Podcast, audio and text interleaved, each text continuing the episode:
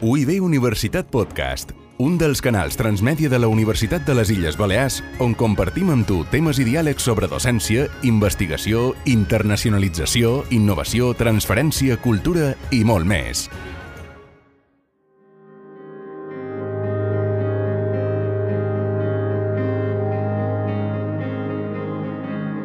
Avui en dia, ser docent pot semblar una feina complicada, ja que la digitalització aquesta paraula que de vegades espanta un poc, va arribar ja fa un temps i ens acompanyarà sempre. En aquest sentit, de quina manera ofereix la Universitat de les Illes Balears ajuda als professors que tenim molt clar el que volen comunicar, és a dir, els continguts, trien metodologies i estratègies relacionades amb l'entorn digital. Com poden accedir a aquesta ajuda per estructurar millor els vídeos, podcasts, presentacions... Mira, eh, nosotros en la Universitat de les Illes Balears tenemos muy clara una cosa. Mira, nosaltres a la Universitat de les Illes Balears tenim molt clar una cosa. No hi pot haver transformació digital o docent si no hi ha l'acompanyament, el reforç i la creença que allò s'ho paga per part del rectorat. El rectorat està format, com a totes les universitats, per persones. Persones que, en el cas de rectors i vicerrectors, ja són professors, o són professors abans que vicerrectors. Per tant, coneixem de primera mà les necessitats que poden tenir a l'aula. Si ho extrapolam a altres companys de la universitat, simplement es tracta de prendre en consciència i posar-ho en pràctica. Per facilitar tot això tenim diverses vies. Per una part, l'IRIE, l'Institut de Recerca i Innovació Educativa, que s'encarrega del pla de formació i que depèn del vicerrectorat de professors. I, per una altra part, també disposam, en l'àmbit extern, de tota la feina que fa el Vicerrectorat de Campus Digital i Transmèdia, sobretot treballant molt estretament en campus digital, que depèn d'aquest vicerrectorat, amb l'objectiu d'oferir aquesta formació al professor o fer-li un acompanyament. La formació pot ser presencial, si les circumstàncies sanitàries ho permeten, o en línia. Des d'abans que aparegués la pandèmia, aquest rectorat o vicerrectorat ja va apostar fermament per recursos d'autoaprenentatge en línia, Utilitzar aula digital perquè qualsevol docent pogués accedir i fer el curs quan volgués, o bé el pogués emprar a manera de preguntes freqüents sobre l'ús d'aula digital o sobre aquella estratègia metodològica de la qual té dubtes. Això a banda, també oferim un suport molt potent de seguiment i acompanyament del professor. Tant una cosa com l'altra sempre la fem si el professor ens ho demana. És a dir, no encalçam a ningú. El professor ens diu el problema que té, la circumstància o dubte. Després, el nostre personal tècnic, la majoria dels quals són pedagogs al servei de campus digital, li ofereix suport, ja sigui per telèfon, correu electrònic o videoconferència.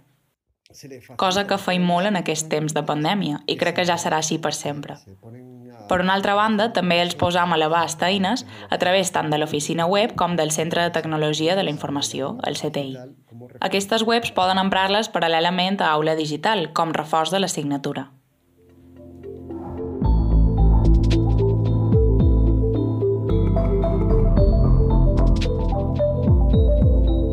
Parlam amb Antonio Fernández Coca, vicerrector de Campus Digital i Transmèdia de la Universitat de les Illes Balears.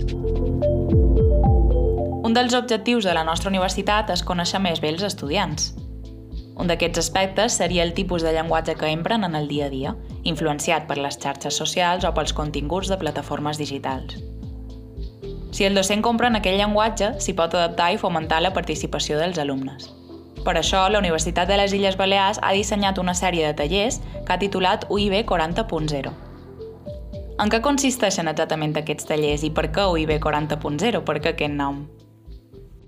Bueno, vamos a empezar por el final. UIB 40.0. Bé, començarem pel final. Havíem de posar un nom al projecte. UIB són les sigles de la nostra universitat, Universitat de les Illes Balears. I per què 40? Perquè fa un parell d'anys varen complir els 40 com a institució. I era just quan començàvem el projecte. I com que en això de la tecnologia i el món actual sempre es posa un número, un punt i després la versió, posàrem el número dels anys de la universitat i la seva història contemporània, més els cinc segles d'experiència prèvia que tenim. El nom és UIB 40.0, com podria haver estat qualsevol altre. Era una manera de reforçar en les activitats també el 40 aniversari. Però bé, això no deixa de ser una anècdota. Allò que és important és que nosaltres pensam que l'estudiant és un dels eixos de la nostra universitat. Aquí s'investiga, però també s'imparteix docència i el destinatari és l'estudiant. És cert que, així com jo no parlo de la mateixa manera com ho fa mon pare, amb qui tenc 29 anys de diferència, L'estudiant actual, a qui també li puc guanyar de quasi 29 anys, tampoc no parla de la mateixa manera com ho feia jo quan era estudiant universitari. Vaig acabar els estudis universitaris l'any 1992, que va ser quan vaig acabar el màster, i després he continuat estudiant, però ja no com ho fan ells, en una aula amb tanta de gent. Si això ha canviat, si va canviar anys enrere, ha canviat ara també, i això ho notàvem bastant perquè des de fa temps, parlant amb companys professors, sentíem comentaris com ara a la meva classe no agafen apunts, quan en la nostra època en preníem, o fan fotos a la pantalla que project, quan a la nostra època no hi havia mòbils per fer fotos a la pantalla. T'enduies una càmera amb rodet i tenies sort si havies capturat bé la claror, però tampoc no et passava pel cap fer-ho. Les tècniques de prendre nota han canviat, però també les tècniques de pensar i la manera com es mouen les narratives d'un estudiant actual, d'un centennial, gent que ha nascut a final del segle passat. No hem d'oblidar que som a l'any 2020 quan enregistram aquest podcast. I són els alumnes qui són ara a la universitat, per tant, a qui ens hem d'adequar. Hem de saber com estructuren la informació. Si tu saps com estructuren la informació i ho apliques a la teva assignatura amb el rigor que pertoca, això ja és decisió teva com a professor, les possibilitats de tenir èxit i assolir els objectius que t'havies marcat, és a dir, que els alumnes assoleixin els objectius que marques per a l'assignatura, i, a més a més, unes habilitats que coneixen com a competències que li facilitin tenir més èxit professional quan acabi la universitat, molt millor. Em podrà dir algú que escolti, però què passa amb els continguts? Resulta que, per assolir uns objectius, has d'impartir uns continguts. Les dues coses són intrínseques.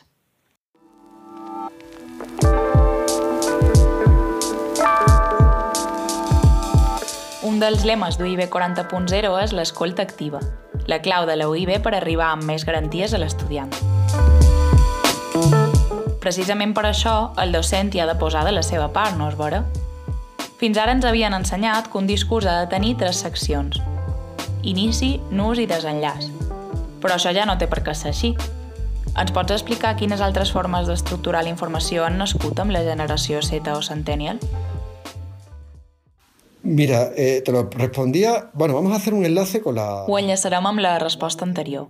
Parlàvem d'UIB 40.0, que han estat i són una sèrie de tallers amb estudiants en què empram des de tècniques com el pensament de dissenyador, design thinking, fins al pur i simple diàleg. Però tant en un cas com en l'altre fomentam l'escolta activa. Escoltam el que dius, ens alimentam d'això, fem una sèrie d'actuacions i ens retroalimentam en funció dels resultats. Després, a partir de tota aquesta dinàmica que hem desenvolupat d'una manera molt potent i que ha encapçalat aquest vice-rectorat, però sempre insisteix molt en el protagonisme del servei de campus digital, hem descobert allò que podia ser un poc obvi, perquè realment ho veus. A un estudiant actual, però també ens passa amb gent més gran, li contes alguna cosa amb una estructura narrativa com la que hem utilitzat fins ara, aquesta que anomenam aristotèlica, que és inici, nus i desenllaç, es queda pensant, sí, sí, molt bé, però això per a què em serveix? En un món d'immediatesa, amb el qual personalment no hi estic d'acord, perquè després de la immediatesa la pregunta és què hi ha? Anem directament al gra. En aquest món immediat, del per a què em serveix això i del si no ho entenc no ho faig, per tant, ens cal canviar la manera de contar les històries. Paral·lelament, però, hem analitzat quines són les sèries de televisió, les que veuen a YouTube o la manera d'estructurar la informació dels youtubers més populars entre els nostres estudiants, i a partir d'aquí no ens interessava tant saber-ne el contingut en si, un videojoc o un altre, això és igual, sinó com explicava la història, el funcionament d'aquest videojoc o d'aquell contingut que hi havia al darrere. Veiem que el nombre més elevat de seguidors i d'acceptació per part dels usuaris és quan l'estructura és diferent, quan és una estructura que jo nomen CSI, per aquella sèrie de televisió en la qual assassinen algú i la primera imatge que veiem és la figura de la persona assassinada. I després, durant el capítol, et conten el procés de la persona que comet el delicte o de la víctima. I al final hi ha una solució i un abans del capítol següent. Això, avui en dia, en sèries com CSI o Bones, es veu molt, però a la dècada dels anys 70, quan jo ja començava a mirar sèries, per l'edat ja em veia, ja passava això mateix. Les sèries de televisió t'avançaven el que passaria i això actualment ja està molt vist. Quines conclusions poden treure de tot plegat? A més de totes aquelles sèries que veuen a través de les xarxes socials, Què és el que els enganxa? Doncs allò que comença amb una promesa. No matarem a ningú. La promesa no és matar algú. La promesa seria per a què serveix això que et contaré avui. Una de les qüestions que també esmenten els estudiants és no em parlis de 20 temes en un mateix capítol. Hi ha una llei en el disseny WebKey ara no record si era la de Hick o la de Fitz, sempre les confong, que estableix que l'ésser humà no recorda més de set elements que rep alhora. Això era abans, ara són quatre. Per tant, si en un web o en un cartell poses més de quatre informacions, la persona es comença a perdre. Si en una aplicació de mòbil poses més de quatre funcions de cop, tornes boig. Llevat que sigui un programa especialitzat com el Photoshop, que jo utilitzo per al tractament d'imatges i que està ple de materials que empro professionalment. Però si comença a introduir algú un concepte, necessita ser concret i concís. Llavors, una cosa que ens demanen a partir d'això és, d'acord, dona'm un tema per matèria, o dos o tres, però que estiguin relacionats, no peguis vots. Una altra cosa que aprenguérem, gràcies a aquest estudi que varen fer amb els alumnes, i que compartim constantment amb els professors de la nostra universitat i d'altres, és que com més ben formats estiguin els estudiants, com més bé assolim els objectius i com més habilitats i competències tinguin al final, és que és molt millor per a la societat en general, ja que al cap i a la fi és per a qui treballa la nostra universitat.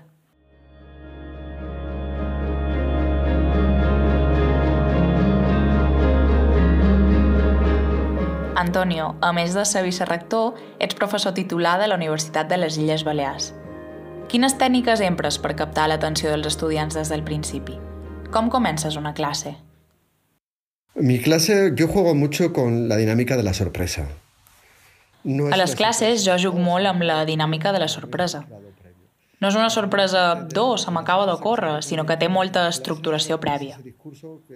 La primera part de la sorpresa que es troben els meus estudiants a classe és aquell discurs que vaig començar a utilitzar fa dos anys i que funciona molt bé. Captar el seu interès de manera que intentem provocar que tinguin ganes d'anar més enllà, de saber més. Jo vaig néixer l'any 1966, o sigui, calcula tu l'edat. Depenent de l'any en què sentiu això, n'hi sumareu un. Però l'experiència que jo vaig viure a la facultat era la d'una persona que venia i m'amollava el seu rotllo, amb perdó, però era un rotllo. La lliçó magistral tediosa. I jo me l'havia de creure, no és vera? Jo, potser també pel meu caràcter, som absolutament pragmàtic. Necessit provar les coses per saber que funcionen. Tot i que jo sàpiga que quan m'ho dius tu, que confi plenament en tu i que ets un referent, funcionarà, però he de veure com. Per tant, el que provoca els alumnes és aquest pragmatisme. De manera repetida, al llarg del curs, el lema és jo et contaré una sèrie de coses, compartim tota una sèrie de coneixements, viurem una sèrie d'experiències, però te demano una cosa. No te creguis res, absolutament res, del que t'explic fins que tu, per tu mateixa, per tu mateix, no ho comprovis. I una vegada que ho facis, obtindrem un resultat. I a partir d'aquest resultat dialogarem, avançarem, farem que la teva corba d'aprenentatge cada cop pugi més, que és l'objectiu que realment tenim com a professors. Fer que l'aprenentatge sigui de cada vegada més fort i que t'ensenyi a no anar amb crosses. Perquè jo no vull ser la crossa absolutament de ningú, ni com a professor ni com a persona en la vida. Aquesta és la dinàmica amb la qual comença a fer feina amb ells. I després tenim una metodologia. Per exemple, jo, de teoria, a classe, no en dono. Tot està enregistrat en vídeo. Ho començàrem a enregistrar l'any 2010. Ho tenc tot enregistrat, no és que necessiti 10 anys per enregistrar-ho sinó que amb 10 anys d'experiència en algunes assignatures he millorat no només la manera d'enregistrar, sinó també de narrar les històries, per adequar-me de cada vegada més als estudiants. Sempre, quan acaba el curs, tenim tota una sèrie de debats a classe per veure com millorar amb l'assignatura, tant per a ells com per a estudiants de cursos futurs.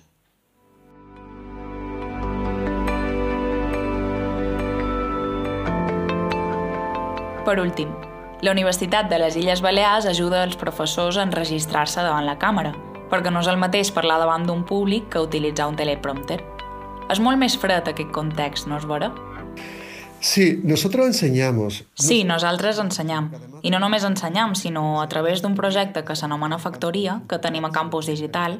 Si cercau a la web campusdigital.uib.cat, si voleu veure en català, i puntes, si voleu veure en castellà, a Factoria facilitam eines i acompanyament específic, tant per realitzar els vídeos com per podcast, com per facilitar els apunts. Jo, com a professor, no som partidari de fer-ho, sinó que pens que els apunts els han de prendre els estudiants. Però si ets un professor que sí que estàs convençut que els apunts són útils, t'ensenyam com pots estructurar-los de manera que aquesta informació arribi molt millor, sense abandonar mai el rigor propi de la teva assignatura, de la qual tu en saps més que ningú. Aquest acompanyament hi és. Respecte de la teva pregunta dels vídeos, que es pot ser que avui en dia està més de moda, tot i que jo començaria a donar més importància al podcast, que funcionen molt bé, de fet això que ara escoltau és un podcast, Oferim dues coses. Per una part, eines o un curs en línia gratuït sobre com actuar davant la càmera. Això què vol dir? Evitar declamacions, el reflex de les ulleres, una gestualitat exagerada o tal vegada una manca de gestualitat. Ensenyam també a estructurar els continguts amb uns silencis en un moment donat per cridar l'atenció o variant la velocitat del discurs. Tothom, a més a més, té un accent. El meu accent original és de Triana, no és aquest que empra ara ja que el mòdul, de manera que la persona que tinc davant pugui entendre'm bé sense ser de Triana. El trianer és molt difícil d'entendre, si no ets d'allà, perquè ho he viscut durant molts anys i ho continuo vivint. És un dialecte que ador, però bé, és difícil. Llavors, en un vídeo, a mi no se m'acut si no m'he de dirigir a la gent d'aquell lloc en concret parlar en el meu accent propi, el verí. Els accents són meravellosos, insistesc, però ja no parlaríem d'accent, sinó més aviat de vocalització, perquè m'entengui l'altra persona. Després cadascú té el seu accent, que és una meravella, és a dir, corregeix que el que he dit abans. Després, també el que feim és que si tu no et vols enregistrar, avui en dia amb un mòbil es bo de fer d'enregistrar-se, o amb la càmera de la pantalla de l'ordinador, nosaltres, a la universitat, t'enregistram. Tenim el servei de recursos audiovisuals, que, en combinació amb el servei de campus digital, vos ajuda. Seim amb vosaltres per resoldre, per exemple, l'eterna pregunta quant de temps ha de durar el meu vídeo docent? Doncs mira, depèn d'allò que comuniquis, de l'interès que tingui i com puguis captar l'atenció de la persona. Que es pot solucionar en un minut? Benvingut sigui. Que ho pots solucionar en 20, 30, 40? D'acord, més és insuportable. Per a més temps convé fer dos vídeos. És insuportable perquè el grau de tensió ja en una reunió normal dura 50 minuts. En vídeo o ets una meravella comunicant o no superes els 10 minuts. Si és molt bo o bona o has après a través dels cursos que t'oferim, doncs pots allargar-ho un poc més. Et donam tot aquest suport, per exemple, davant del teleprompter, que és aquesta pantalla de vidre, per als qui no ho sapigueu, on es projecta allò que has de comunicar. T'ensenyam com llegir-ho sense que sembli que se t'hagin ressecat els ulls, que és el que sol passar quan no en tens ni idea. O sense que paregui que estàs en el moment rem del somni, quan l'ull no atura de moure's d'un costat a l'altre.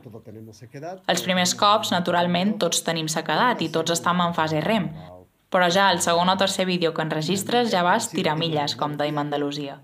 Endavant i molt fàcil.